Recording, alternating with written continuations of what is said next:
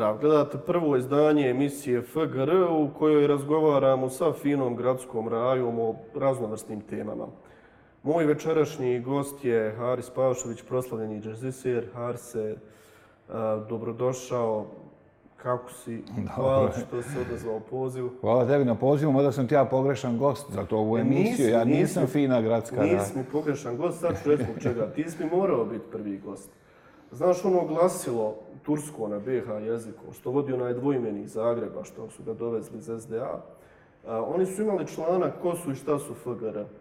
Između ostalog, napravili su spisak kao lidera fine gradske raje i paz kako ste bi označili. Kulturni guru, ideolog FGR establishmenta, prvosveštenik Fine Gradske. O, pa, dakle, nisam znao da je to. Prvosveštenikom Fine Gradske Nisam znao da tako da visoko ja... kotira. Pa eto, ovaj. ovaj. Godilo ti ova titula? Pa ja mislim da ona, ona dobro zvuči, ali mislim da prosto ne odgovara činjenicama. Ovaj, jer ja nisam, ja uopšte nisam raja, mislim, ja nisam uopšte, nisam, nisam iz te priče, da tako kažem. Evo, kako ti uopšte gledaš na pežurativnu upotrebu pojma fina gradska raja koja dolazi sa konzervativne bošnjačke desnice i šta bi uopšte to trebalo podrazumijeti? S čim se oni obračunavaju? ali ja mislim da dolazi i sa desnice i sa ljevice nekako, ne, ne, možda neke ekstremne ljevice i tako, da je to neka, neki, ovaj, um, neki termin kojim se označava neka grupa ljudi, možda koja je eto prisutna u nekom urbanom smislu u, u, u, i u gradu i u javnom prostoru i tako.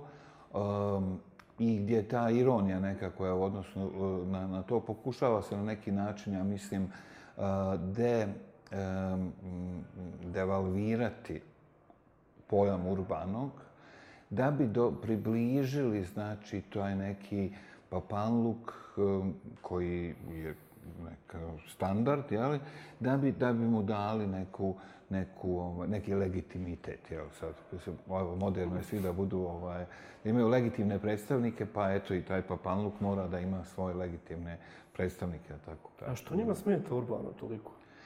Pa zbog toga što pokazuje jel, jednu mjeru ne, ne, nepoznavanja um, nekih civilizacijskih normi, nekih, nekog obrazovanja, nekog Um, Um, života u jednoj e, gradskoj sredini koja podrazumijeva e, uvažavanje različito, koja podrazumijeva...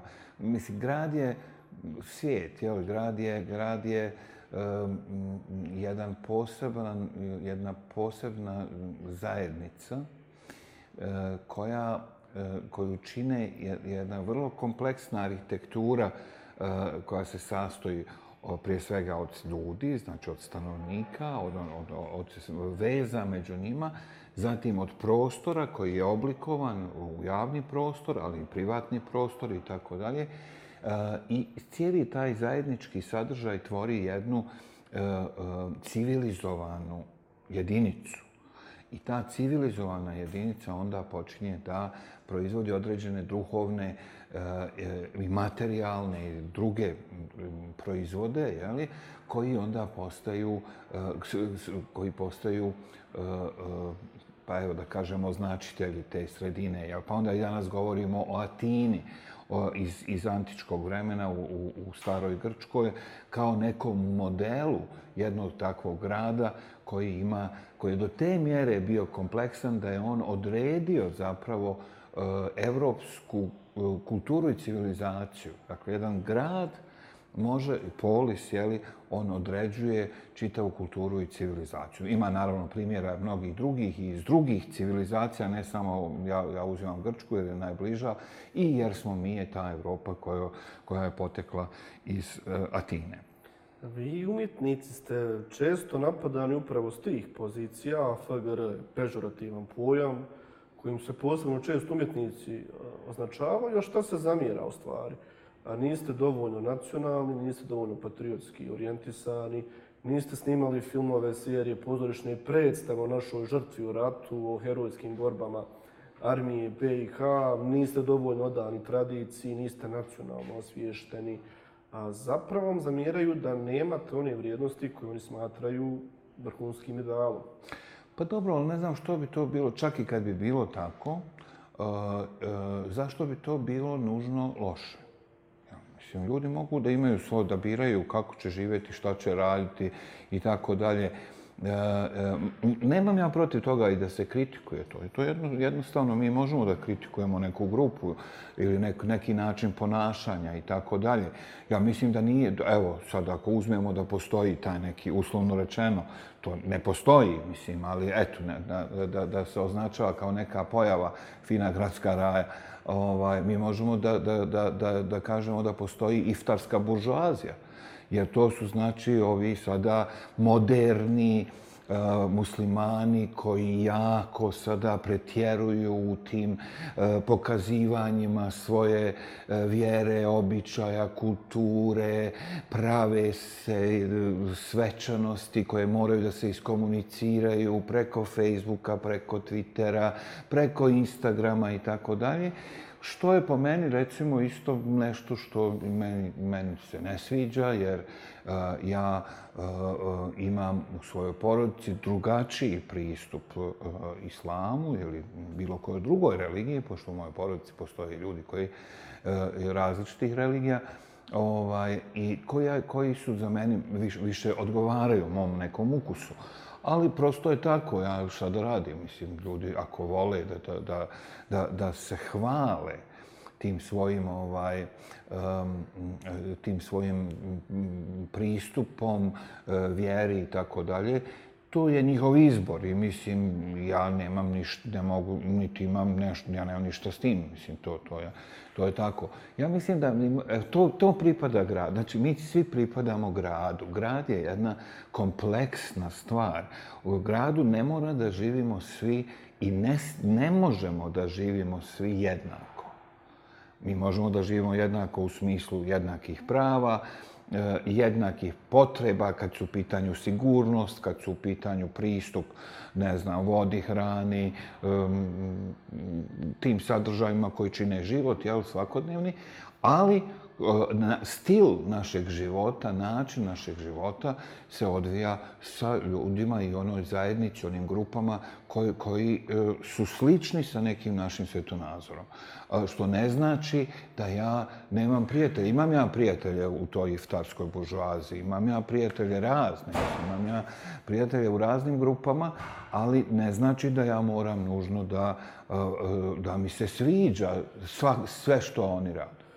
To je genijalan naziv iftarska buržuazija. Mislim da savršeno opisuje te običaje, ja bih rekao, moderne, ali ti si rekao da ti imaš potpuno drugačiji način ispovjedanja islama u porodici. Ali koliko je tu uopšte islama, koliko je to postala jedna, rekao bih, ideološka potvrda da ti pripadaš evo tu iftarskoj buržuaziji, odnosno da si ti pravovjerni pripadnik novog poredka, koji e, svoju pripadnost manifestuje kroz takve manifestacije poput javnih iftara koji se moraju podijeliti na društvenim mrežama, objaviti na Instagramu, objaviti na iftaru, a ne možeš otići na džuma namaz bez da objaviš sliku da svi znamo da si bio a, na džumi, na Bajram namaz također.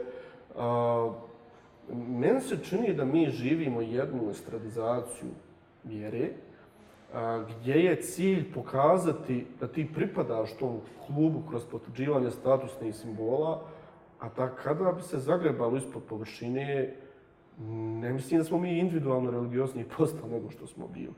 Meni se čini da je to sve jedna jeftina fasada ispod koje nema zapravo stvarnog vjerovanja, ne substrata vjere, nego je to postala jedna moda gdje je danas biti vjernik i upražnjavati vjerske obrede nešto što u 80. godinama bilo biti panker, na primjer. Pa dobro, čak i ako je tako, a ja bi mogao se u jednom većem dijelu složiti sa tobom u vezi tim, to je prosto tako. Mislim, tako da nije ni na meni, ni na tebi da mi određujemo tim ljudima kako će oni ovaj, te neka svoj, svoju manifestaciju, te, te, tih svoje, svoje duhovnosti ili svoje, svoje potrebe e, da, da se označe ili se prikažu u zajednici na takav način, kako će oni to raditi tamo gdje to postaje problem, kad prelazi u određeni ideološki sadržaj koji onda ima pretenziju da, da, da, da zavlada i da na taj način e, svi moraju onda da žive i da, da se tako ponašaju. tog trenutka to nije više samo stvar Imao ljudi pretenzije? Pa, ja ne mislim, pa, ja mislim da ovo o čemu mi govorimo, ova, da, to, to su neke društvene pojave koje same po sebi ne moraju biti čak ni ideološke. One mogu da budu, evo kao što si rekao, moda, one mogu da budu neki stil životni, oni mogu da budu neka, nešto što, eto tako, ljudi vole ili- ili žele ili društvo očekuje neka njihova, njihova zajednica neposredna u njihovoj okolini očekuje da se oni tako ponašaju. Um, ali uh, ono, š- ono gdje, uh, to, to samo stvara pretpostavku za ideologiju. Ideologija je kada se uh, Mustafa Busulađić prevodi u nekoga ko je zaslužan za uh, bošnjačku e, istoriju uh, i kulturu, uh, a u stvari na taj način uh, se uh, radi revizija njegovih uh, pro fašističkih stavova koje je imao u prošlosti, jel, odnosno u vrijeme kad je živio, a, a, a opet to postaje onda osnova za ono što nam se juče dogodilo, a to je možda da prvi put možda ikada se dogodilo da su neki roditelji uh, zabranili da, e, uh, svoje djeci da uđu u sinagogu, uh, jer je to posljedica, ja mislim, jedne propagande koja apsolutno dolazi sigurno izvan Sarajeva. Evo, to ona ne može da, to Sarajevo ni, ni, je kontraindikovano uh, uh, uh, tako, takvoj propagandi.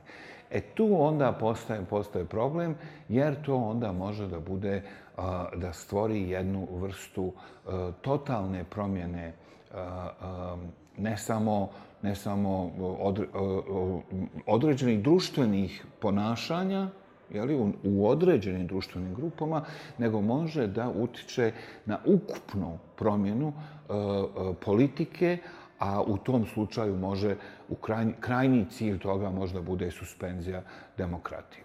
Evo kažeš mm, mm, da imaš osjećaj da te ideologije dolaze izvan Sarajeva, da to nije prirodno u ovom gradu.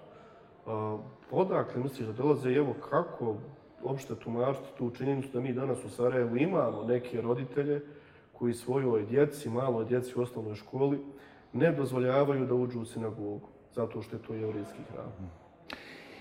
Pa, teško je to sada, ne, ja nisam stručnjak za, da, da bi proučavao sve te uticaje, ali o, neki od njih su vrlo vidljivi, jel? E,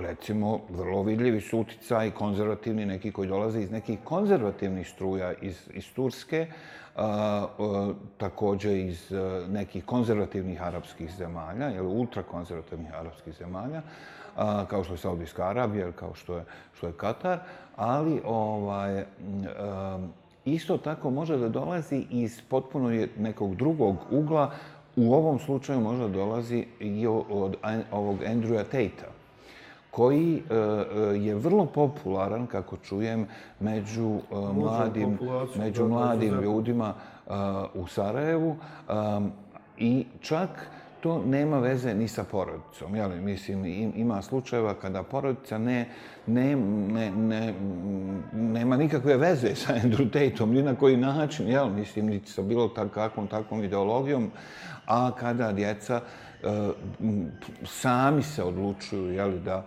da, da slušaju i da upijaju nekako to, eh, tog Andrew Tate-a. Tako da nije, nije jednostavno, mislim, radi se o, o kompleksnim tim uticajima, ali ono što veže sve te uticaje jeste da su oni eh, često ili najčešće ultrakonzervativni, da oni isključuju drugog i drugačijeg. I tu, tu u tom dijelu oni postaju opasni. Znači sve ovo drugo mi možemo da se ne složimo, ali mislim mi ne moramo da živimo na taj način kako, kako određena, određeni svjetonazor uh, uh, preporučuje uh, ili zahtjeva. Ali tamo kada taj svjetonazor počinje da isključuje drugog i drugačijeg, to je početak uh, uh, rušenja demokratije i tu moramo da podvučemo crtu.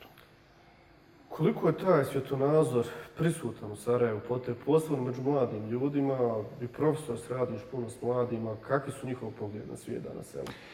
Pa, do, ja sam na jednoj specifičnoj ustanovi, to je Akademija scenskih umjetnosti i tako, gdje dolaze Dobro, ljudi za najliberalnije, pa koji su malo, malo da kažemo, ovaj, drugačije, ipak nisu možda reprezentativni uzorak za, za, za ovaj, cijelu tu populaciju u, u nekih 20-godišnjaka ili tako.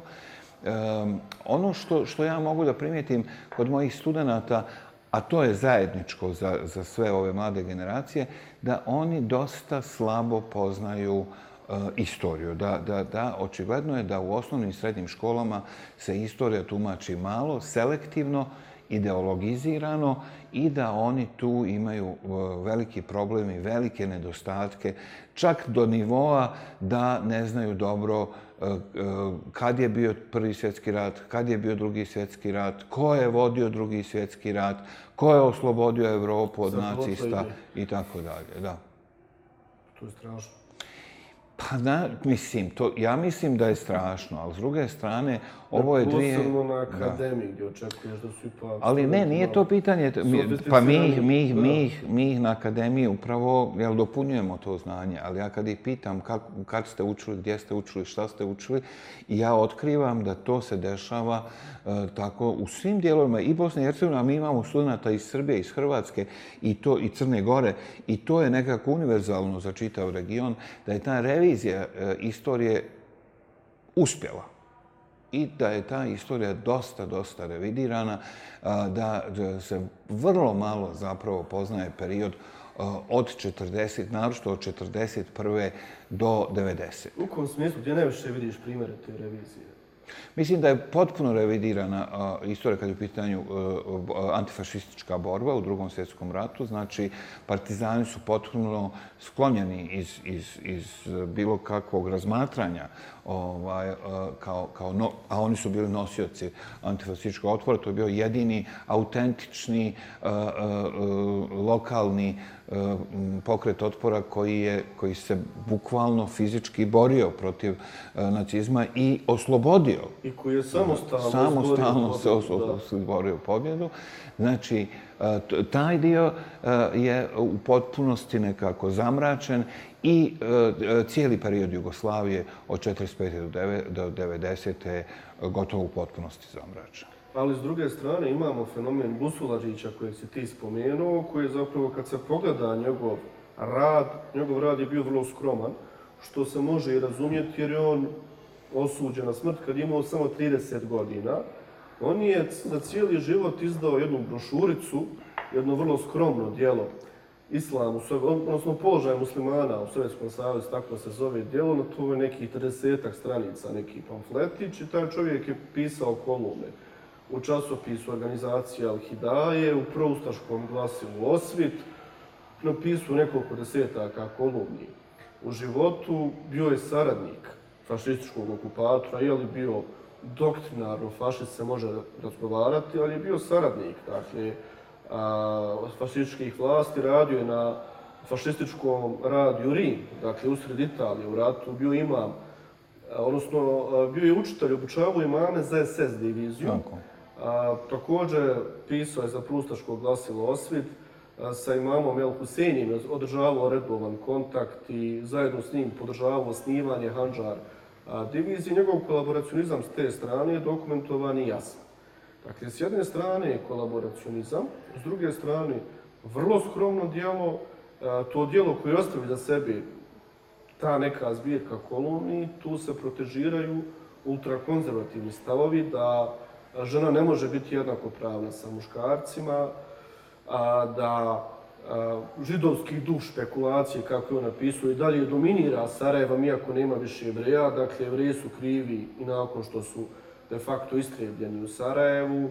A, tu su stavovi da u sukobu između kapitala i a, a, Mein Kampf, Mein Kampf treba da odnese pobjedu i takva ličnost koja čak ni iz konzervativnog milija nije najveći, najznačajniji, se kanonizovala u nekog bošnjačkog mučenika, sveca, usput se nizašnjavao kao bošnjak, nego, kao Hrvat. A, po meni je to tipičan primjer ne revizije, nego jedne potpune laži. Pa to je gdje se- falsifikat, Gdje se da, stvara da. paralelna historija. Šta je cilj toga? Pa, cilj je e, određena, ideološki određeni e, ovaj, pogled Eh, koji eh, je prije svega antikomunistički. On ovako kad nabrojiš, on izgleda kao da je profašistički, ali ja mislim da je on više antikomunistički nego što je profašistički, da je profašizam posljedica eh, tog antikomunizma. Ehm, ono što je meni malo smiješno, da tako kažem, da mi je, još danas imamo prisutan u Bosni taj strah od komunizma i to nije samo kod muslimana, tako i kod pravoslavnih, kod katolika. Strah od, musli, od, od, kato, od, ja rekao, zamalo ne rekao muslimana, katolika. Strah od e, komunista kao da je taj komunizam neka velika snaga sada, A komunizam je jedan, mislim, ako u Evropi bar, ali ako isključimo Kinu, koja ima jedan specifičan oblik uređenja za koji ne znam ni da li možemo ga zvati komunističkim, a, a ako isključimo Kinu e, kao neki poseban entitet, znači ono što se u Evropi događa, mi nemamo, mi nemamo ni neku ljevicu, a kamo da imamo neki, neki snažan komunizam. Odakle taj toliki strah i, i zašto je ta, ta, odnosno, zašto ta mržnja, da tako kažem, prema komunizmu, ne, ne znam, mislim, ona je možda iracionalna i tako. Ovaj, I isto tako... A mi nije jasno otkud ta mržnja, mislim da je to najmanja misterija otkud ta mržnja prema komunizmu. Tog Busularića komunistički režim osudio na smrt.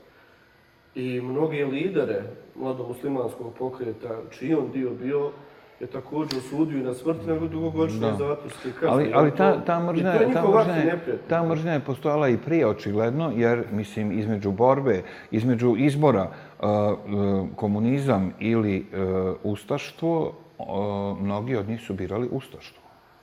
Znači, nije samo to, jeste to, slažem se, ali nije samo posljedice toga. Jer pazi, ako, će se, ako bi se komunizam um, zaista kritički razmatrao, i evo, kad govorimo o muslimanima i komunizmu, mi bismo tada vidjeli koliko je zapravo komunizam koristio bosanskim muslimanima, jel? ili muslimanima u bivšoj Jugoslaviji. Da možda najveću emancipaciju e, e, muslimani u bivšoj Jugoslaviji doživljavaju u vremenu komunizma. Znači, s jedne strane, tačno je da je postojala određen represija i teror kad su u pitanju neki pripadnici muslima, muslimani koji, koji su neki pripadnici određenih pokreta koji su bili saradnici sa, faši, sa fašistima, a, a, ili recimo i 48, ali to nije bilo na, muslim, na odnosu muslimana ili ne, nego na odnosu, to, to je više unutar same komunističke partije, a, a s druge strane, znači, a, a, tu je postojala jedan vrlo veliki, vrlo veliki emancipatorski zamah, da tako kažem, kad su bili u pitanju muslimani. A, Ali dobro, evo, hajde sad to sve zaboravimo. Šta je danas? Mislim, da vidimo danas. Zašto to sad je toliko bitno da se to danas... Zašto? Ovaj... Zašto se dalje potiče ta ideološka borba protiv nekih fantomskih komunista?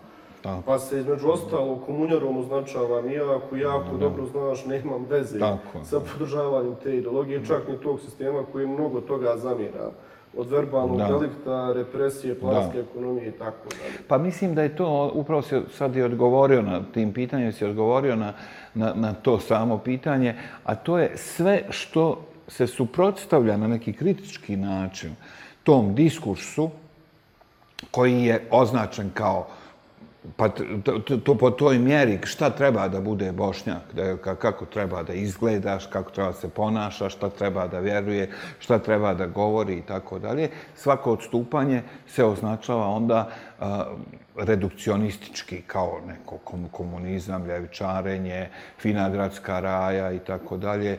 Ovaj, što u stvari je stvarno absurdno i vrlo štetno, upravo za ciljeve koje taj svjetonazor promovira taj svjetonazor promovira kao patriotizam za Bosnu i Hercegovinu i tako dalje, e, opstanak naroda, opstanak zemlje.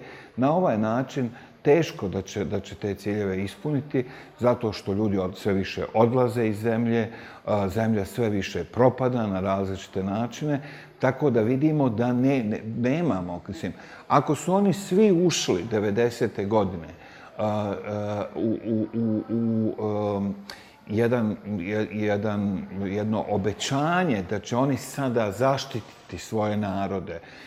I muslimane, bošnjake, jel su kasnije i, mislim kasnije bošnjake koji su u tom trenutku se zvali muslimani, i Srbe i Hrvate, pa kako su, kako su to zaštitili u, u protekle 30 godina?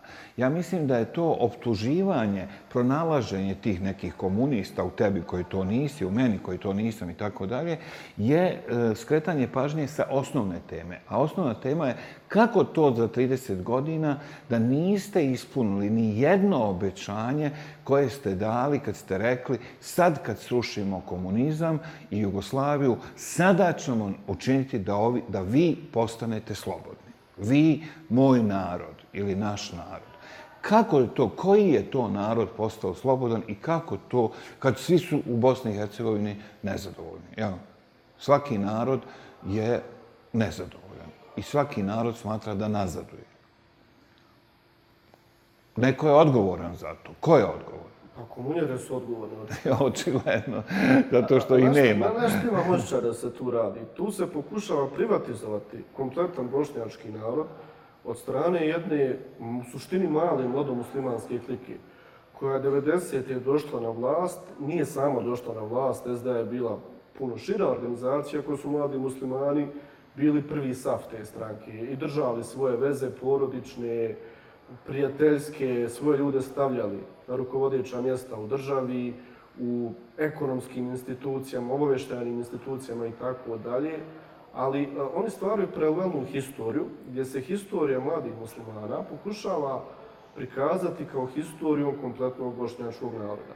Oni trpe strašnu represiju u socijalističkoj Jugoslaviji, posebno u godinama poslije rata odmah.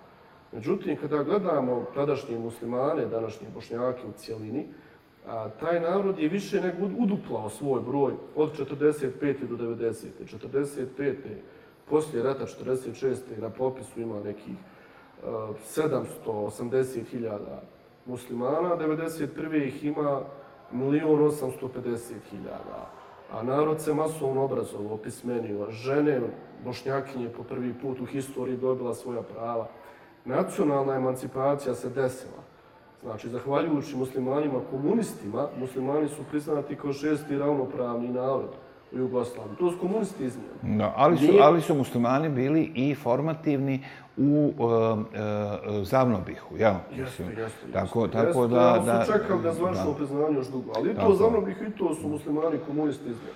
Nije Busulađić tražio A Znaš šta, sad je da, pitanje da, šta da, je da, dugo. Da bude bošnjak, da, musliman, tako je, nego tako se kao tako. Hrvat. Isto Pit- koji Fehim Spava, Da. Res i tako Pitanje je šta je dugo, jer e, e, Jugoslavija je bila jedan mla, nov projekat.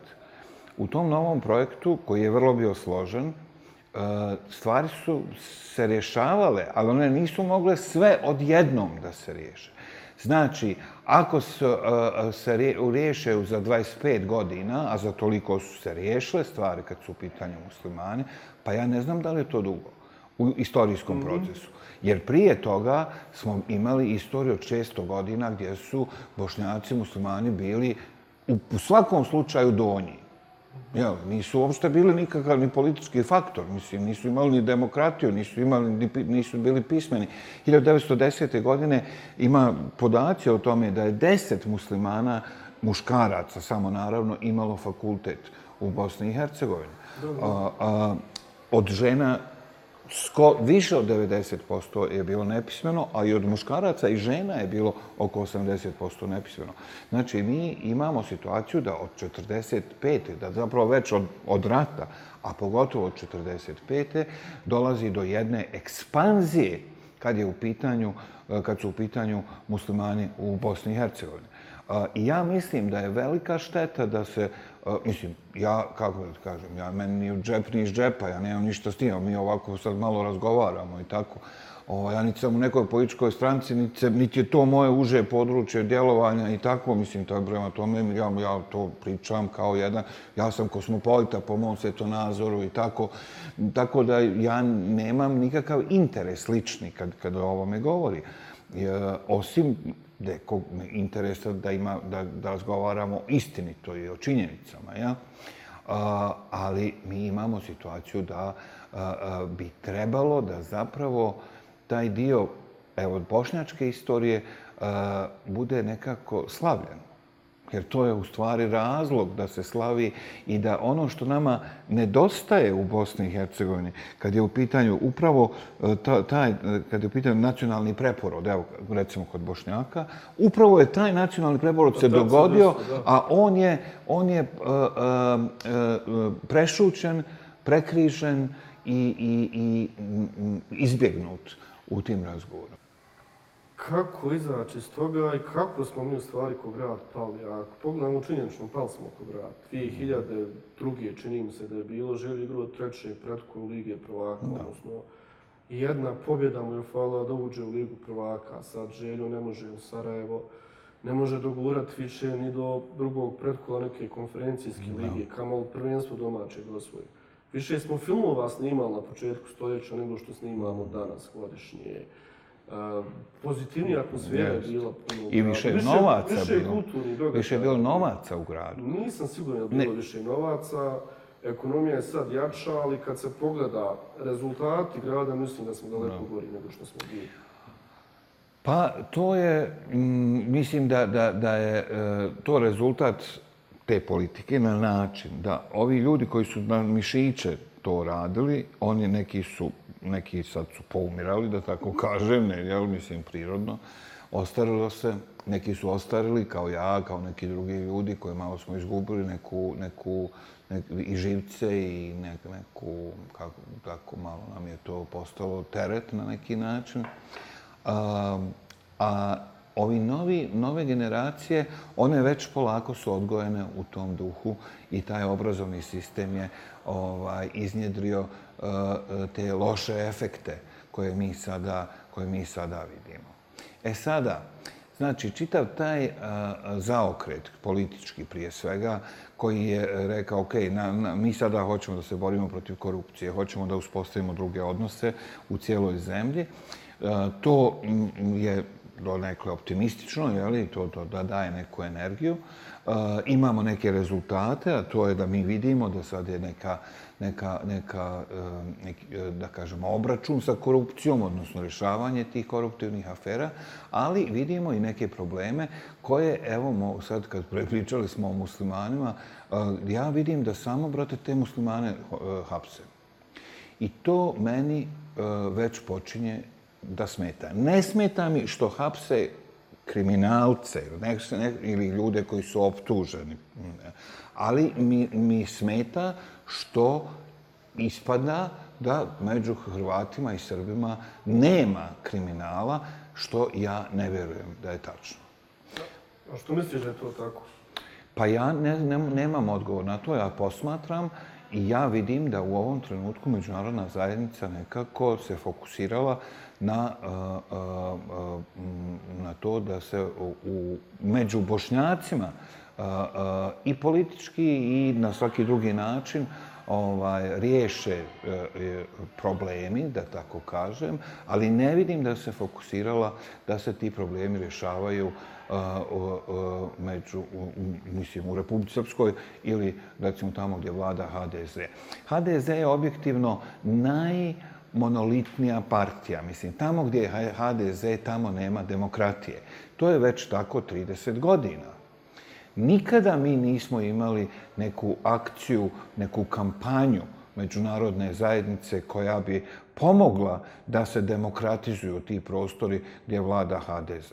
Mi imamo izvestan demokratski taj pejzaž u Republici Srpskoj, mi imamo veliki demokratski pejzaž u Sarajevu i e, u, u dijelovima Bosne gdje su većinski bošnjaci i mi nemamo nikakav Znači, to je potpuni apsolutizam, to je potpuna diktatura tamo gdje vlada HDZ. E, zašto je to, e, zašto je to, to, zašto, se, zašto to toleriše međunarodna zajednica, ja nemam, nemam odgovor na to. Mislim, kad kažem međunarodna zajednica, mislim na EU, OHR i Američku ambasadu. A je li to nužno loše što, kako kažeš, a zaista se stiče takav utisak, postoji podrška da se stvari očiste ili dovedu u red samo među bošnjacima. Pa može se to i tumačiti, evo, samo, im- samo im je do Bošnjaka ostalo, pa samo tu ode red. Pa je, mislim da to nije dobro. Mislim da i treba da bude stalo do svih građana ove zemlje, do svih naroda u ovoj zemlji. Mislim da međunarodna zajednica ne smije da pravi nikakav presedan. Ni u jednom smislu. Jel? Pa čak i ako je iz tog diskursa da, da su kao muslimani neki omiljeni, siguran- to je, tak, to je Dodikovski ovaj. Ja sam siguran da hapsi međunarodna zajednica. Formalno hapšenja provodi tužilaštvo, Pa dobro, uz pomoć Europola, na primjer, i tako pa, dalje. Pa dobro, to i to i Europol je međunarodna zajednica. Mislim, ne, ja ne, ne mislim samo na ambasadore, ja mislim na, na ukupno neki, ovaj, e, neku asistenciju koja se, koja se daje našim vlastima da e, rješavaju određene slučajeve. Jel? Ali, evo sad real politički gledano. Postoji tu bitna razlika. Bakr Izetbegović je dovoljno puta prevario međunarodnu zajednicu, zapadne države, previše je Ali on njega nema više. Previše- Mislim, on nije, on nije, on nije ga, dio političke... Ali nema ga zato što se političkog spomenuo da boja, da. imaš ogroman pluralizam među bošnjacima u Sarajevu. To Pa znam, pa i Dodik vara, da, ne samo da vara, Dodik govori najgore stvari prema Da, ali međunarodnoj Dodik, zajednici. Dodik nema tako. konkurenciju s kojom ga mogu zamijeniti, a Pa to- pogotovo nema Pa ja nisam siguran. Ja nisam siguran. Pa imamo rezultate ali, izbora. ali pa, pa imamo rezultate izbora, ali imamo i to da je da je da se e, određeni demokratski procesi e, veoma dugo pomagali e, u ovom dijelu gdje žive Bošnjaci. Mislim da su i pomagale međunarodne fondacije, pomagale su po ambasade i tako dalje. Pa zašto onda se isti takav proces nije dogodio tamo gdje e, e, vlada HDZ? E, to je pitanje za međunarodne predstavnike, ambasadore, Tako predstavnike najvećih Tako je. organizacija, zato što ni meni to pitanje nije jasno. Ja nekada imam osjećaj da su ovdje demokratija provodila samo u Sarajevu, Tako je. gdje je ona bila potrebna, civilno društvo, LGBT prava i tako dalje. Ali ne samo potrebna, ali u gdje je ona imala pretpostavke, jer smo mi i u ratu održali pretpostavke za demokratiju i multikulturalizam, a u, u, što nije bio slučaj u drugim dijelovima Bosne i Ali Hercegovine. to je problem jer se tako u stvari i međunarodna zajednica doprinosi podeli u Bosni i Hercegovini. Tako je. Jer ti demokratiju gradiš, institucije gradiš na samo jednom parčetu Bosne i. Hercegovine. A, U široki brijeg ne zalaziš, a, u Bijenju zalaziš i Banja Luku pomalo, u Prijedor ne zalaziš nikako, u Han Tako, Pijesak ne zalaziš tako. nikako. Evo, tipičan primjer je parada ponosa. A, međunarodna zajednica strane ambasade ulažu ogromne napore da se ta parada ponosa održi u Sarajevu. Svaka im čast na tome i na taj način Sarajevo dokazuje da je ravnopravno s ostalim europskim glavnim Tako. gradovima.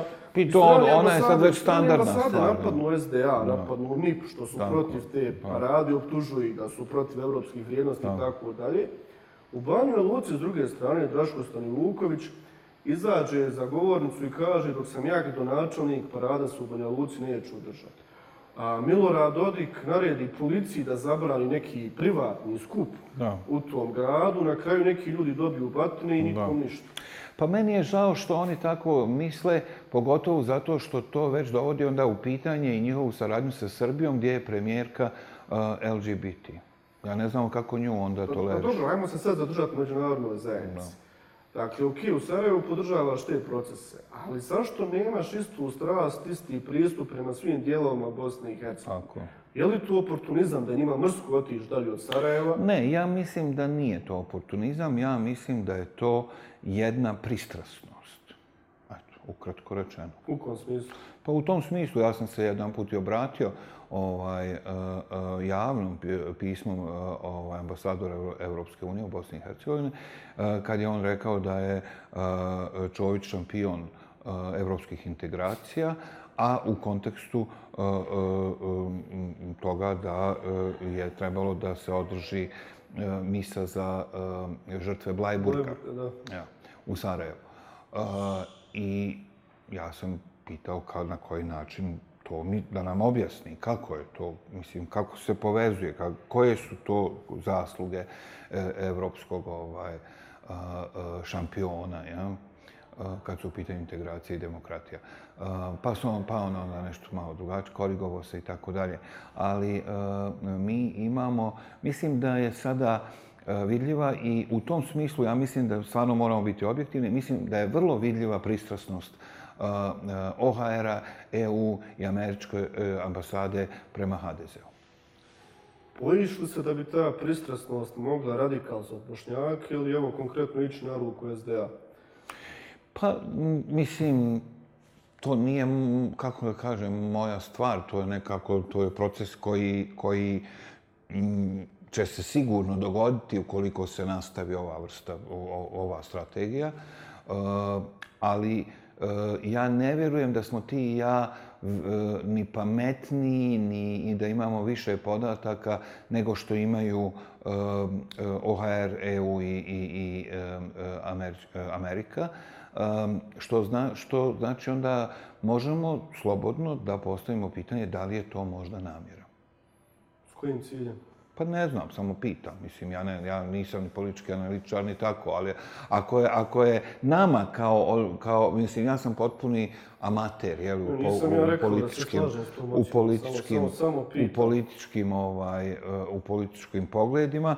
Eh, Pa ne, ali mislim, rekao si da, se, da, da, da misliš i ti da je pristrasno, jel? Jel si rekao to? Ne, ja mislim da je pristrasno u smislu da se demokratski standardi koji se zahtijevaju od Sarajeva, Tako je. ili ako hoćeš od Bošnjaka, Tako. da se nema jednako strog pristup Tako, prema... e, pa to je to. Pa eto, u tome, u tome se slažemo. To je apsolutno... Ali, ali meni je drago što imaju taj strog pristup, zato što ja hoću da živim u skladu s tim. Slažem se i meni isto, međutim, mi znamo da će posljedica, da, da, je, da je moguća posljedica takvog pristupa radikalizacija Bošnjaka. A to siguran sam znaju i oni. A kako je Čović tako dobro odigrao? Šta tu misliš? Pa ne znam. Eto, Pa šampion, nakon on, je, šampion. Zato, zato, zato, zato se zove šampion. Pa ja nisam siguran da li je to, da li, da li je to ne baš njegov tako Ili je šampionski hrvatska put. možda ili je stvarno to, toliko dobra. Tako je, ili, ili je to Republika Hrvatska, ili je to Evropski parlament, ili je to, mislim, ja ne znam gdje se ti procesi ovaj, događaju, ali, ovaj, ali je, e, mislim da e, da ne bi trebalo podcjenjivati e, Bošnjake i ne bi trebalo tu otvorenost Bošnjaka za da, da počiste u, u svojoj avliji posmatrati kao slabost. Ja prije rekao da je to e, ovo što ti kažeš, da je to jedna otvornost, da kažeš pa dobro, hoćemo stvarno da živimo u jednoj normalnoj, demokratskoj, poštenoj zemlji. Ali isto tako ne bi trebalo pretpostaviti da Bošnjaci ne vide da se ti isti procesi ne događaju e, i u drugim dijelovima Bosne i Hercegovine. Evo, kad smo kod tih procesa, dakle, formirana je vlast bez SDA na svim bitnim nivoima, znači državnom, federalnom, na kantonu Sarajevo još odavno. Kako gledaš na novu vladu i bude li ti ovi kadrovi kakvu nadu? Pa ja mislim da je promjena jako dobra, da promjena znači jednu promjenu energije, promjenu pristupa, promjenu pogleda, ehm, da ehm, to svakako će donijeti nešto dobro, jer ovo, nažalost, do sada nije bilo dobro. Ja? Uh, mislim da mi već imamo malo više informacija o tome da smo uh, u Evrop, unutar Evropske uh, unije kao zemlja malo prisutniji nego što smo bili prije, da smo prisutni uh, e, u američkoj administraciji nego što smo bili prije, da mislim da je to da to ima ovaj uh, uh, veze sa aktivnošću uh, ministra Konakovića i ministarstva i tako dalje. Um, tako da nekih, nekih pomaka se vidi, ali ćemo vidjeti sada da li se to vidi i na, u svakodnevnom životu i kako se to, kako se rješava evo, ovo, ovaj problem sa saobraćajem, kako se rješava. To je, tu je negdje, mislim, je ono što građani, što se građana najneposrednije tiče. Jel? Da budemo sigurni kad izađemo na ulicu. Jel? Da, da znamo da neće samo mene i tebe zaustaviti zato što mi vozimo neka jeftinija auta i, i, i, i onda kad nemamo pojas ili ako pogrešno ovaj, parkiramo, da nećemo samo mi biti ti koji ćemo odgovarati i platiti kaznu, nego da će i neko ko vozi nekog Porschea ili nekog skupog Mercedesa, jer je postoji neka, neka, neka osjećaj da se takvim skupim automobilima ne naplaćuju kazne, ne zaustavljaju se i tako dalje. E, e, eto tako, da znači da, da imamo jedan pravedniji, pravedniji život. Ja, to ne samo u globalnom smislu, nego konkretno kad se radi o, o, o svakodnevnici. Isto tako, predugo se ta pruga pravi, mislim, mora se to nekad završiti jednom, ne može to sada da traje beskonačno. Moramo vidjeti neku investiciju. Mislim, ja se slažem jel, sa svim kritikama SDA, ali mi evo smo vidjeli i taj BBI i taj SCC je napravljeno u vrijeme i ta Alta su napravljeni u vrijeme e, SDA. Ja ne mislim da je to mjera, jedina mjera e, razvoja, ali jeste napravljeno, mislim.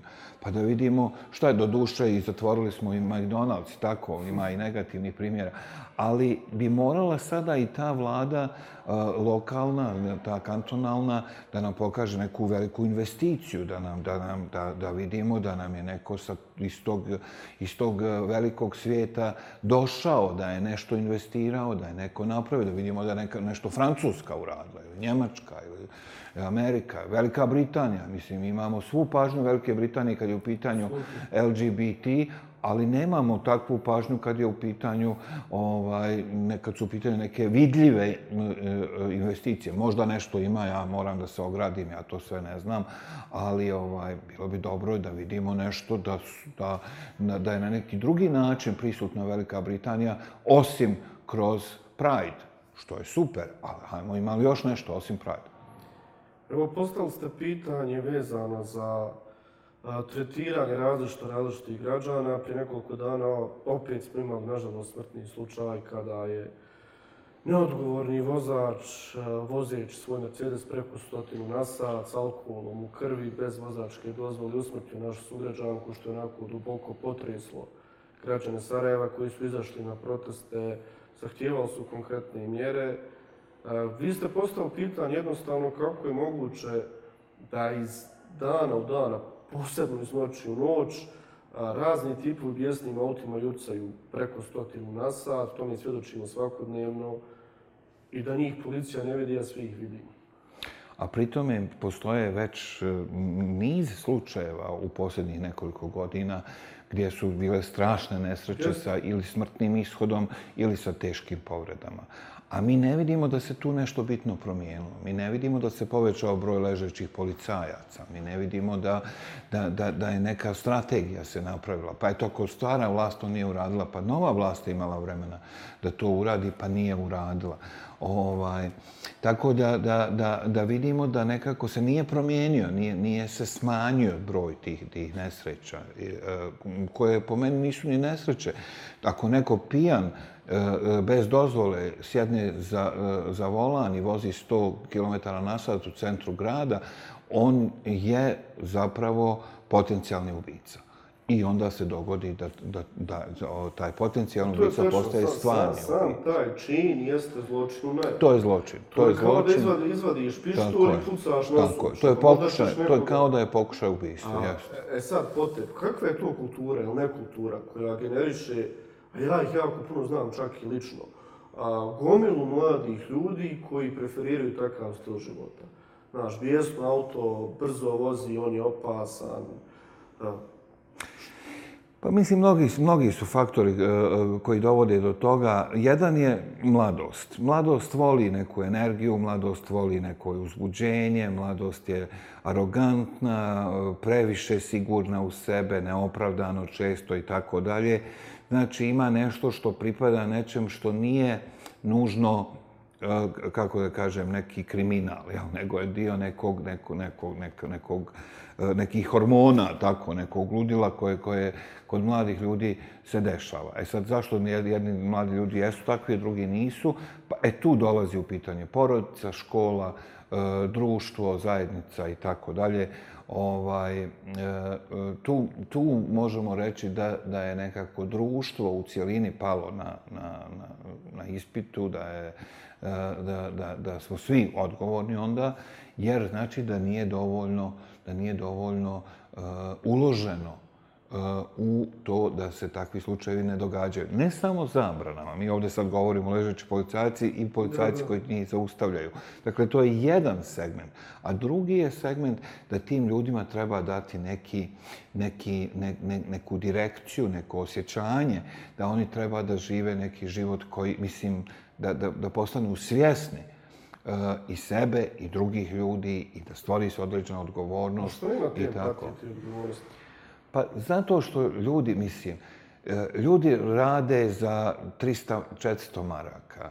Uh, oni uh, a gledaju filmove, gledaju te uh, ove, igraju igrice, gledaju Instagrame, vide da drugi ljudi žive savršeno. Pa vijest, evo, i u vašim novinama je vijest da je neko nekom kupio sat od 10.000 dolara. Jel? A, a, I onda on kaže, pa šta, šta on? A on ima 300 maraka, 400 maraka i se živi sa, sa roditeljima i nema nikakav način da, da svoj život učini sebi interesantnim, a kamoli da bude prepoznatljiv u svojoj okolini i u svom društvu. Mi kad smo radili posle ubistva Denisa Mrnjavca, koji je bio, mislim, to je slučaj koji je, koji je nepravedno zaboravljen, jel? A, mi smo pravili u istu vestu predstavu Klasni neprijatelj o vršnjačkom nasilju u školama. I onda su moji glumci odlazili u škole sarajevske, srednje škole, gdje su bili, sa, išli na nastavu, da malo se upoznaju o tome kako, kako izgleda taj život. Između ostalog su bili u ovoj školi na Drveni, koja je škola, nekad se zvala škola učenika u privred, ne znam tačno kako se sada zove, mislim, tamo se zanati su ovaj, Jedan od mojih glumaca je bio sa jednom grupom ovaj, koji su se obučavali da budu mesari.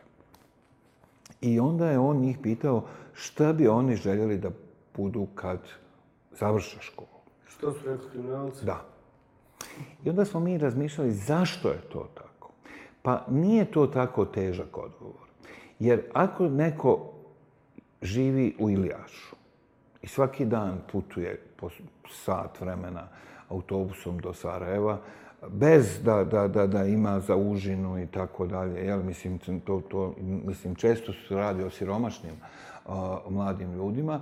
Uh, njegova perspektiva je da kad završi taj mesarski zanat, da se vrati u Ilijaš i da eventualno tamo postane pomoćnik u nekoj mesari, da radi za 350 maraka i pere krv sa pločica. A ako je on kriminalac, Onda on ukrade auto, pa onda malo se sa policijom ganja, pa malo ga vole djevojke, pa malo ima nekih novaca, pa malo droga, pa malo ovo. I to je život kao iz nekog filma. Ali tada on ima identitet. Pa da, zašto taj mladi čovjek misli da to može ostvariti preko kriminala, ne preko toga da on sutra bude vlasnik mesara ili lanca mesara, ili da bude futbaler, ili da bude poduzetnik, da bude nešto. Pa zato što, mislim, teško je to sad procijeniti.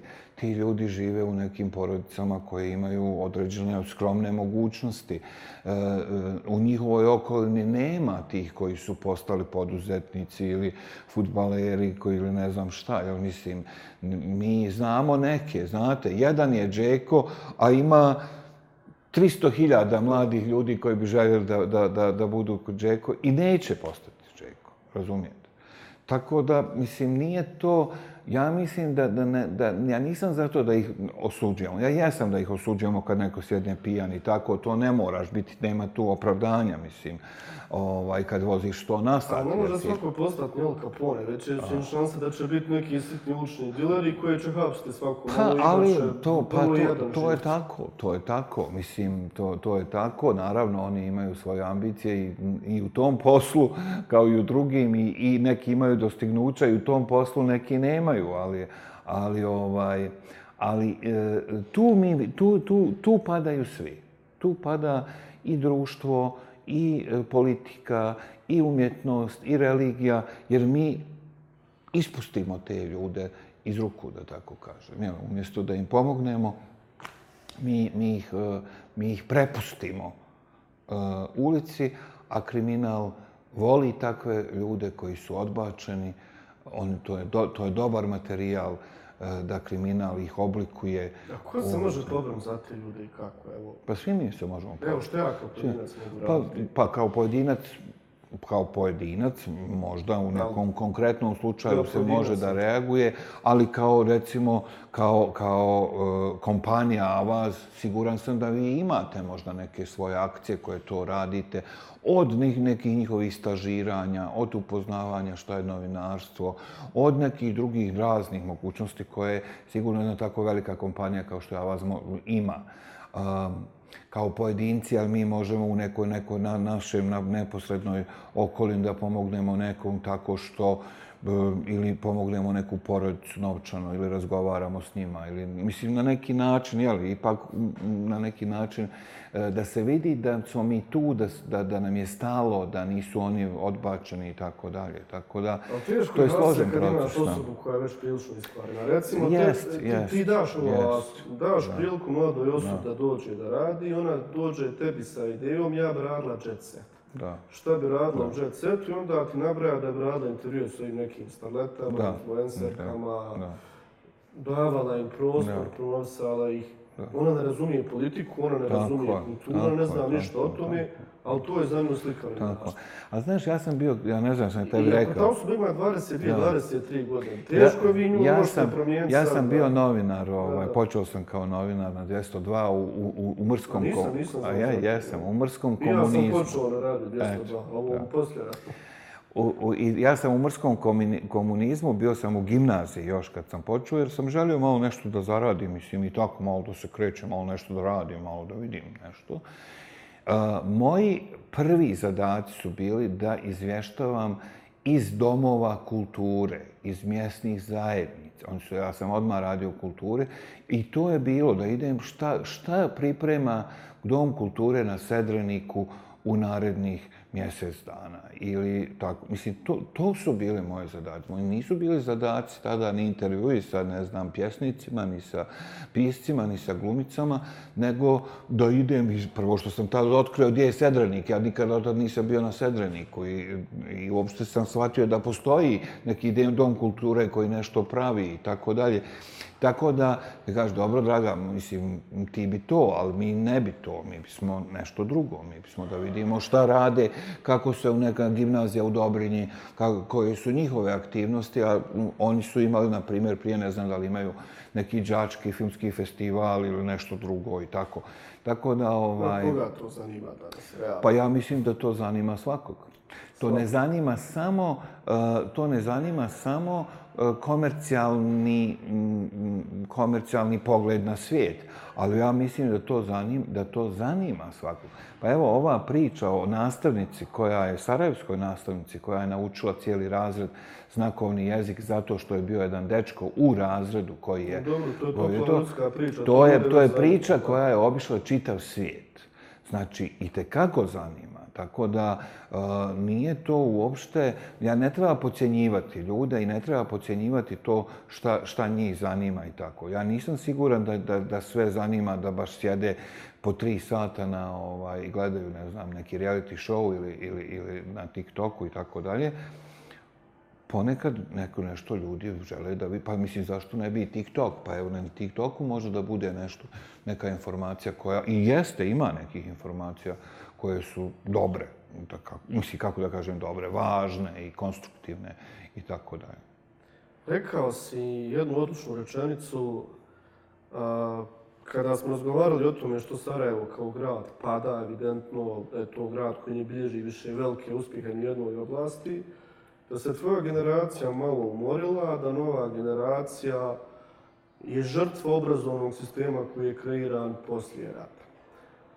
Ja kad sam odrastao, da se držimo tvoje struke, evo konkretno profesije režije, ja kad sam odrastao, glavni režiseri, oni koji nam prave predstave, filmove, ste bili ti, Dino Mustafić, malo kasnije Dani Stanović, posebno kad je Oskara dobio, što je bilo onako veliko usjučenje u čitavom društvu i nada, i Jasmila Žbanić kasnije.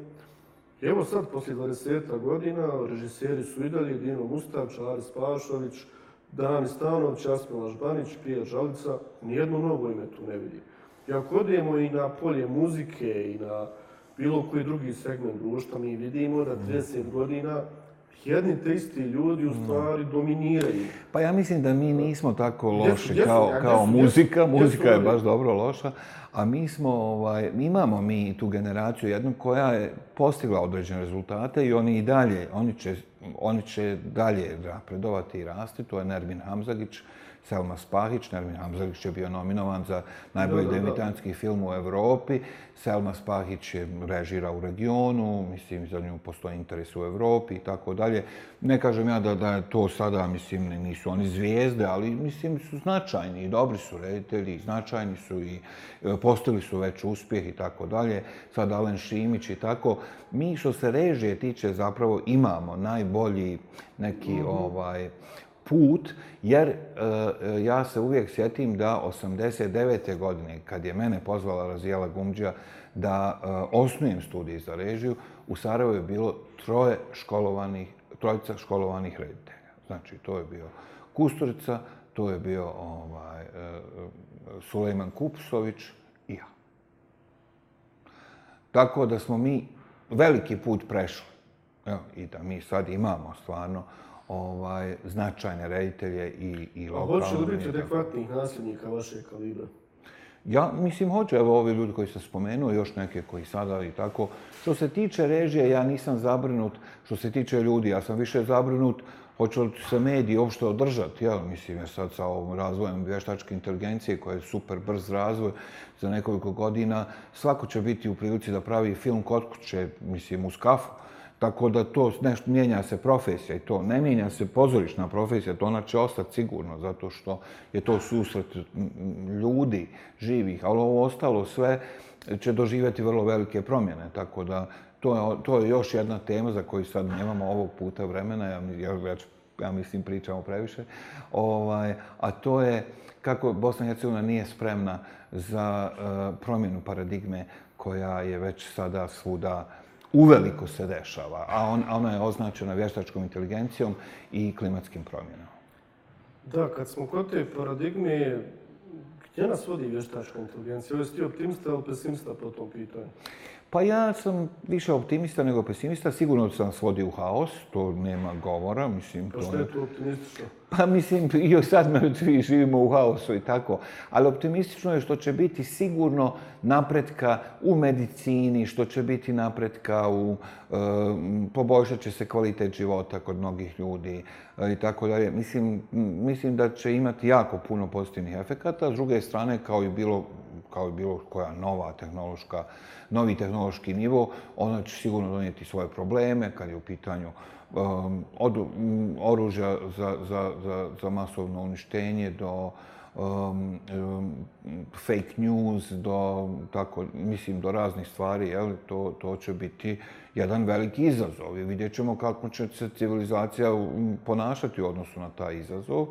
Um, ali um, i do sad je bilo tako, jel, svaka, svaka novost i, i, e, jeli, i telefon je i djelovao ili ne znam, automobil kad, kad su se pojavili, to je izgledalo kao neka strašna revolucija koja će možda uništiti ljude i tako, pa nije.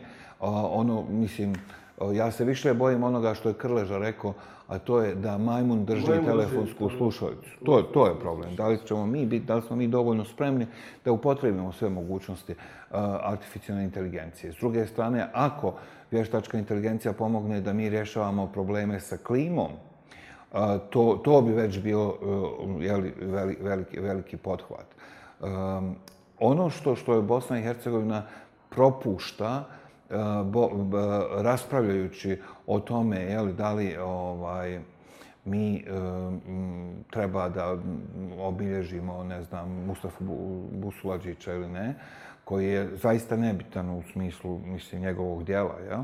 Ovaj, e, ali ima političku svoju, svoju dimenziju. E, mi za to vrijeme gubimo vrijeme, snagu, obrazovanje za ono što dolazi, a to je upravo e, da budemo spremni za svijet vještačke inteligencije i velikih klimatskih promjena koje nam se evo dešavaju. Nama su poplave svuda, ali mi to tretiramo kao sporadičnu prolaznu pojavu, a ne već svake godine su nam poplave, ali ja ne vidim da mi razvijamo neku politiku koja, koja je zaštita od poplava. Ja. Mislim da nećemo ni razviti, da će to na kraju biti kao većina stvari, da će ti doći neko iz Amerike, Europske unije, reći Moraš, morate provesti te i te politike, a da mi sami nešto smislimo. Nažalost, ja ne vidim kapaciteta u našem rukovodstvu, ne samo u politici, nego generalno u društvu, ja ne vidim taj kapacitet. Ali e, kada govoriš da si optimističan po pitanju razvoja tehnologije, ja sam 50% optimističan, 50% pesimističan, a 50% sam pesimističan zato što a, ljudska priroda pokazuje da je vrlo pokvarena, da je vrlo neinteligentna, da je vrlo slaba. I primjer za to je Google, primjer za to su društvene mreže.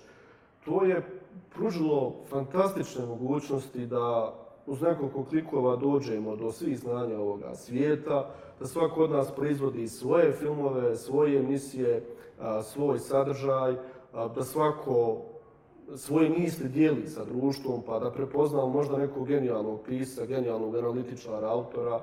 Međutim, šta se desilo? Postoji jako kvalitetan sadržaj koji prave pojedinci koji možda bez tih društvenih mreža ne bi ni dobili priliku. Recimo na YouTube ima fantastičnih kanala, naučnih, političkih, koje su osnovale privatne osobe, nepovezane ni s jednim velikim medijem. A fantastična je stvar što vi danas ne morate plaćati 150.000 dolara da studirate na nekom prestižnom fakultetu u Americi, nego Stevena Pinkera možete slušati na YouTube kako vam drži predavanje. Ali to konzumira manjina. Većina internet konzumira da gleda pornografiju, da kači svoje slike i to je to. I pored svih mogućnosti koji se ljudima nude, oni opet biraju ono najgore. To, to meni je ovaj slika. Pa, dobro, to mislim, je, mislim da će tako biti to je, IT. To, to, je, to je, to je, znači, to je antropološko jedno pitanje, zato što mi kao vrsta nismo se dovoljno razvili. A je li tehnologija u stvari brže napreduje pa nego brže, što mi napredujemo? Pa brže napreduje tehnologija nego što mi napredujemo.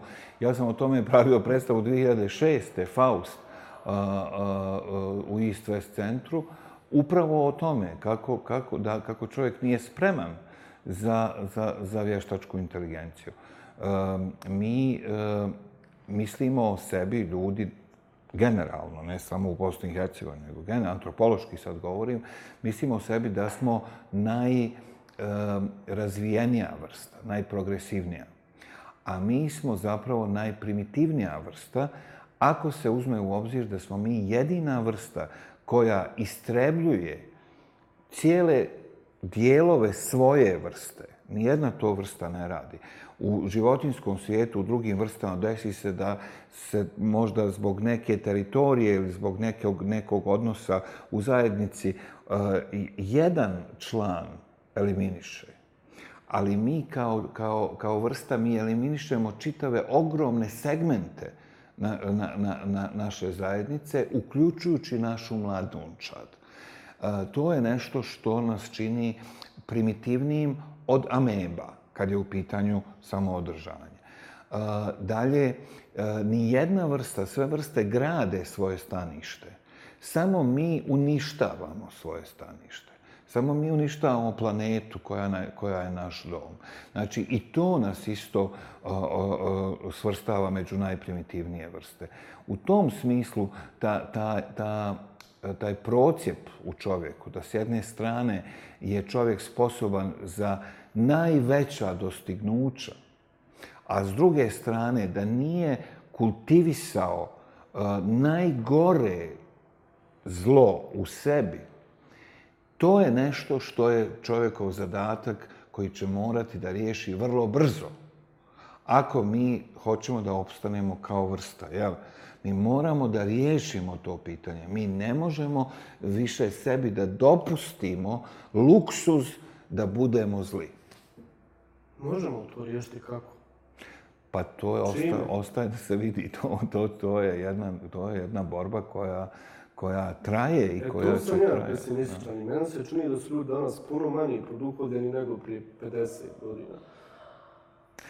I To je se teško zaključiti. Puno je ljudi, mislim, ima 9 milijardi ljudi. Teško je zaključiti to. Ipak mi smo, imamo neku p- partikularnu tačku gledišta.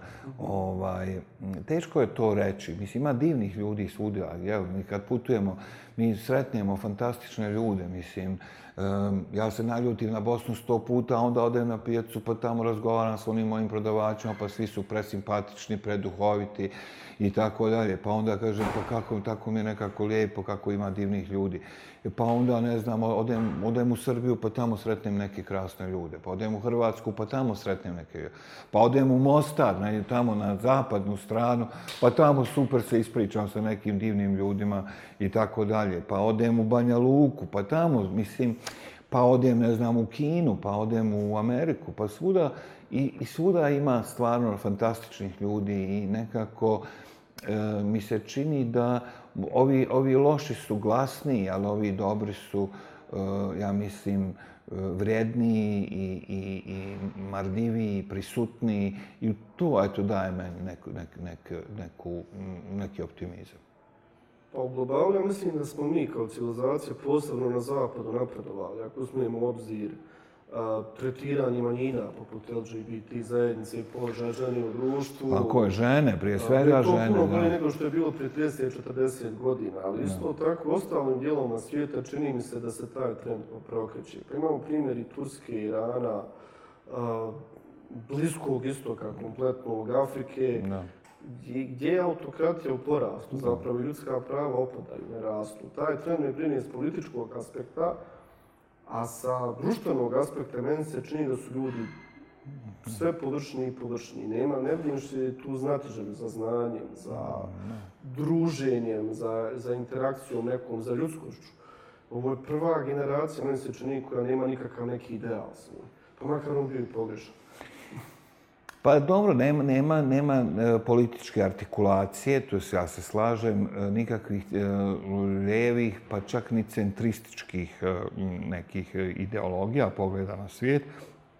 Jedino tamo gdje, gdje postoji artikulacija određenih političkih ovaj, na desnici. vjerovanja je na desnici, na ekstremnoj desnici, a, što je opasno jer, je, jer su te uglavnom vrlo redukcionistički i, vrlo, i, i negativno. Oni su usmjereni protiv drugih i tako, tako da, da je to, da je to dosta, dosta opasno.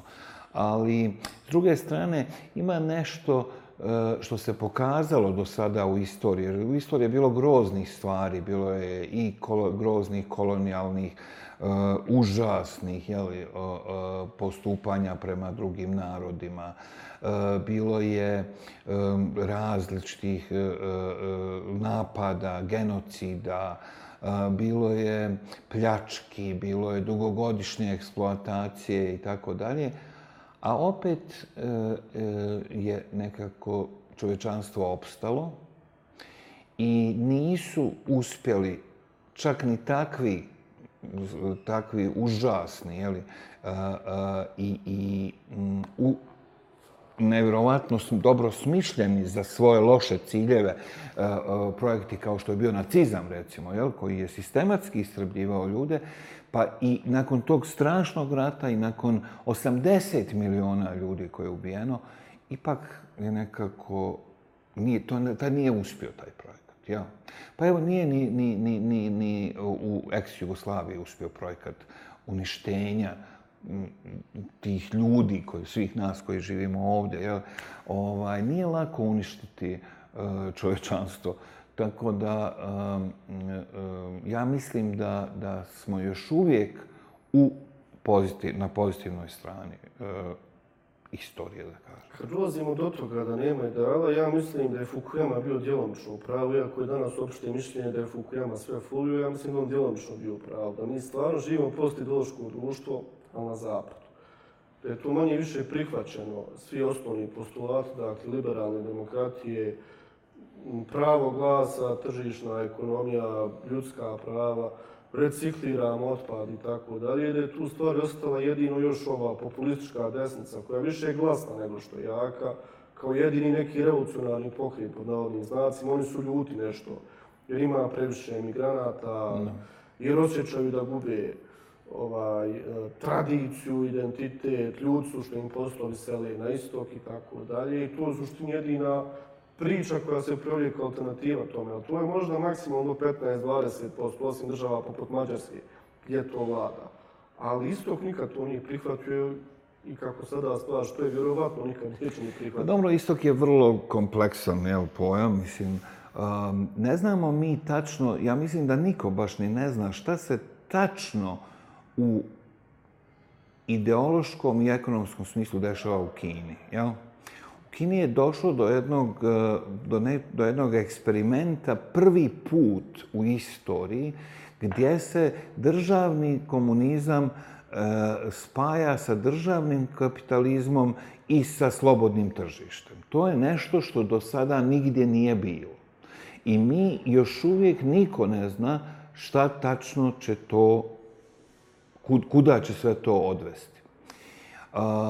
Imamo... Znaš što je zanimljivo? Da. Samo replika. Nije taj kineski model, iako se pokazao prilično uspješnim, ali mimo Kine nije kopiran. Recimo, Singapur ima taj Pa Singapur slučaj autokratske tako, vlasti s kapitalizmom, jest. ali nije komunistička Da, vlast. ali, pa da, ali Si- Singapur ima sličan sistem, ali Singapur je vrlo mali, jeli? Da, naravno. ali, ovaj, ali Kina je jednu i pol milijardu ljudi, tako da čak i ako je samo tamo, dovoljno je, jel? Mislim, Ali onda imamo s druge strane jednu vrlo pozitivnu stvar kad je u pitanju Indija, a to je da je to najveća demokratija na svijetu. To je milijardu ljudi koji žive u demokratskom uređenju, uprkos jednom vrlo rigidnom kastinskom sistemu njihove religije i tako dalje. Mislim, njihove dominantne religije hinduizma. A, Ali imate u, u, u, ovome, u Južnoj Americi imamo dosta snažan ljevičarski ovaj, e, svjetonazor je u nekim velikim zemljama kao što je, je ne znam, Brazil, kao što je Čile, evo sad čitam još negdje i tako, e, e, mislim da li je Urugvaj ili tako, da, da, e, pa, pa i e, i prije je bio Urugvaj i tako. Mislim, Argentina je često na ivici i tako. Tako da, da e, postoji ne, postoje ipak te, mi smo mnogo europocentrični i još više amerikanocentrični, Ali pa i mi razmišljamo to, evo, tako. Da. Spomenuo si Urugvaj. Ovaj, uh, Deljosa, pisac koji je liberal, on je baš pisao o tome kada je uh, uh, Muhika došao na vlast u Urugvaju kao radikalni ljevičar tada, kaže ja sam se prepao, on će napraviti Venezuelu od Urugvaja. Ali kaže na kraju kad je dobio vlast, on jednu bitnu ekonomsku reformu nije da. proveo, osim što je onako bio popularan jer se skromno ponašao. Mislim da čak i kad Ljevce dođe negdje na vlast, oni manje i više se drže istog tog kursa i nema tu nekih velikih promjena. Pa nema velikih promjena. Tu je više sada, ja mislim da u današnje vrijeme je više pitanje e, kako da se, da se nekako bude umjeren, da, ja mislim. Jer nije rješenje to kao, kao Amazon gdje ljudi su krajnje eksploatisani, gdje ne mogu u WC otići, gdje hitna pomoć čeka kao dio smjene u nekom od tih skladišta, gdje padanje u nesvijest nešto što je dio e, ra, e, radnog procesa. Ja? Nije to rješenje, nije to rješenje. Nije rješenje to da mi imamo tako brutalno bogate te ljude, koji nekoliko njih koji onda e, e, na neki način praktično vladaju svijetom. Nije rješenje ni to da, da, da mi moramo da, da, da, da, da trpimo te klimatske promjene, a da su privatni avioni zaštićeni, a oni najviše doprinose zapravo Pa dobro, to je Leonardo DiCaprio, on je aktivist ovaj za zaštitu zemlje, za borbu protiv klimatskih promjena, ide na turneje svojim E, pa to, privatnim to, avionom. tako, To, to je primjer. Tako. To je, ovaj, to je jedan od tih primjera. Tako da, da nije ni to rješenje. Uh, nije rješenje, naravno, ni neki sada rigidni ko socijalizam, komunizam, jer smo vidjeli da nije rješenje i da on ne, ne funkcioniše. A s druge strane, mi moramo da vidimo šta raditi sa, sa mislim, Kina ima jednu milijardu i 500 miliona ljudi. U ovom trenutku ti ljudi ujutro ustanu, umiju se jer te, teče voda, upale svjetlo, odu nekim prevozom do škole gdje ostavu, ostave djecu, odu na posao, jedu, vrate se kući, se pokupe djecu, dođu Znači, i to funkcioniše. Znači, To funkcioniše uz koju cijenu? pa ne znamo s koju cijenu tih tim jednu milijardu i 500 miliona ljudi živi. Mislim, Jel žive i Ujguri? Pa ja ne znam šta se događa tačno tako Ujgura, ali sigurno je da postoji po svemu sudeći određena represija ovaj, tamo. Um, ali to je manjina koja ima ugrožena prava, ali to je 30 miliona u odnosu na milijardu i pol. Mi nemamo te, malo imamo poremećene odnose brojeva. Ja, mislim, um, to, je, to je sigurno problem, ali taj problem, kad se gleda u cijelini, mi ovamo vidimo da ta zemlja ipak funkcioniše. Jel? Bio- Kakav bi bio problem da Kina ne funkcioniše? To bi bio rasvat svijeta. Jel? Kad bi Kinezi krenuli da u Evropu da dolaze kao izbjeglice ili ne znam šta. Mi ne možemo da smjestimo u Evropi 500.000 izbjeglica, a kod njih 500.000 ljudi se pomjeri za dva dana sa jedne lokacije na drugu zbog poplava ili ne znam čega. Mislim, malo drugačije su te, drugačije su te ti, ti, ili, ili Indonezija koja ima 300 miliona stanovnika, to je ogromna zemlja koja ima svoju dinamiku, koja je posebna, koja nama, mi, mi pričamo, o čemu mi pričamo? Mislim, mi živimo u gradu od 300.000 stanovnika i u zemlji koja ima 3 miliona, jel? Ovaj, e, Istanbul ima 25 miliona stanovnika ili Mexico City ima 35 miliona stanovnika i tako. Um, tako da jeste da su poslanci najpametniji, znaju sve i najvažniji i mi smo centar svijeta, ali I treba, bave, tako i svi se nama bave, ali ipak treba i- uzeti u obzir da ovaj da ima i eto malo i drugih ljudi koji žive negdje na, na drugim mjestima na, na planeti. Čime se baviš profesionalno sada? Pa sad režiram predstavu uh, po tekstu koji sam ja pisao, koji zove se uh, Marlene Dietrich, uh, pet tačaka optužnice, u Narodnom pozorištu u Sarajevu, uh, sa ansamblom Narodnog pozorišta, sa nekoliko gostiju i sa Mirjanom Karanović u glavnoj ulozi. Kad je premijera? Premijera će biti, što je zanimljivo, 27. jula u Italiji na Međunarodnom festivalu Mittelfest. To je prvi put za 100 godina da, da Narodno pozorište ima premijeru na nekom međunarodnom festivalu i to još u nekoj zapadnoj zemlji, tako da je to ipak ima neki pomaka. Ovaj, a Sarajevska premijera će biti početkom septembra. Možeš li nam reći ukratko o čemu se govori o predstavi, pretpostavljamo Marlene Dietrich i njenom životu, da li direktno ili... Da. Marlene, Di, Ma, da, da. Marlene Dietrich je bila velika glumica, to mlađi ovi uh, uh, tvoji slušalci i gledalci ne znaju, ali... Naučit ćemo. Da. Stavit ćemo u opisu Marlene Dietrich, Tako. pa ćemo osnovne podatke. Ona je ovaj, e, e, živjela, živjela je 90 godina, e, e, tako da cijeli, cijeli 20. vijek bila je jedna od najslavnijih glumica svih vremena, velika filmska ikona, e, ali e, jedan od, pored mnogih drugih stvari koje je napravila, jedan od stvari koje je obilježio njen život je bilo to što je ona snimala u Hollywoodu 30. godina. Hitler ju je obožavao i pozvao je da dođe u, u Njemačku, u Treći rajh i da bude kraljica filma u nacističkoj Njemačkoj, znači da ima sve neograničeno, kao na primjer Leni Riefenstahl koja je rediteljka bila koja je imala sve. Ovaj, I ona je to odbila. Umjesto toga ona se pridružila američkim vojnim snagama i e, s Amerikancima e, došla u Europu, ona je pjevala, zabavljala je trupe e, u predahu borbi i e, e, to joj nekako mnogi Njemci nisu oprostili. A ima li tu nekih paralela sa današnjom situacijom u društvu? Marlene Dietrich na kraju nisu oprostili čak i poslije rata nedostatak patriotizma, iako je tu bila najmonstruoznija ideologija u modernoj historiji. Danas mi vidimo da mnogi ljude prozivaju prvenstveno umjetnike zbog nedostatka patriotizma. Pa to i recimo- tebe prozivaju, tako da i ovaj... Pa dobro, ali ja, ja, ja, ja sam novinar. Mislim, mi, misleće ljude, da tako kažem, jel? sve ljude koji, koji se ne uklapaju u taj šablon jel? A, patriotizma, pa evo sad pravimo krug i od onog što smo govorili na početku, svi ti ljudi su um, označeni, jeli, oni su na meti uh, tih kritika, uh, uh, a o, naša umjetnost je upravo to, da kažemo da ljudi treba da žive život onakav kakav oni misle da treba da žive, da oni da, da vole slobodu, da e, patriotizam nije da se slažeš sa svojom zemljom kad ona radi nešto loše.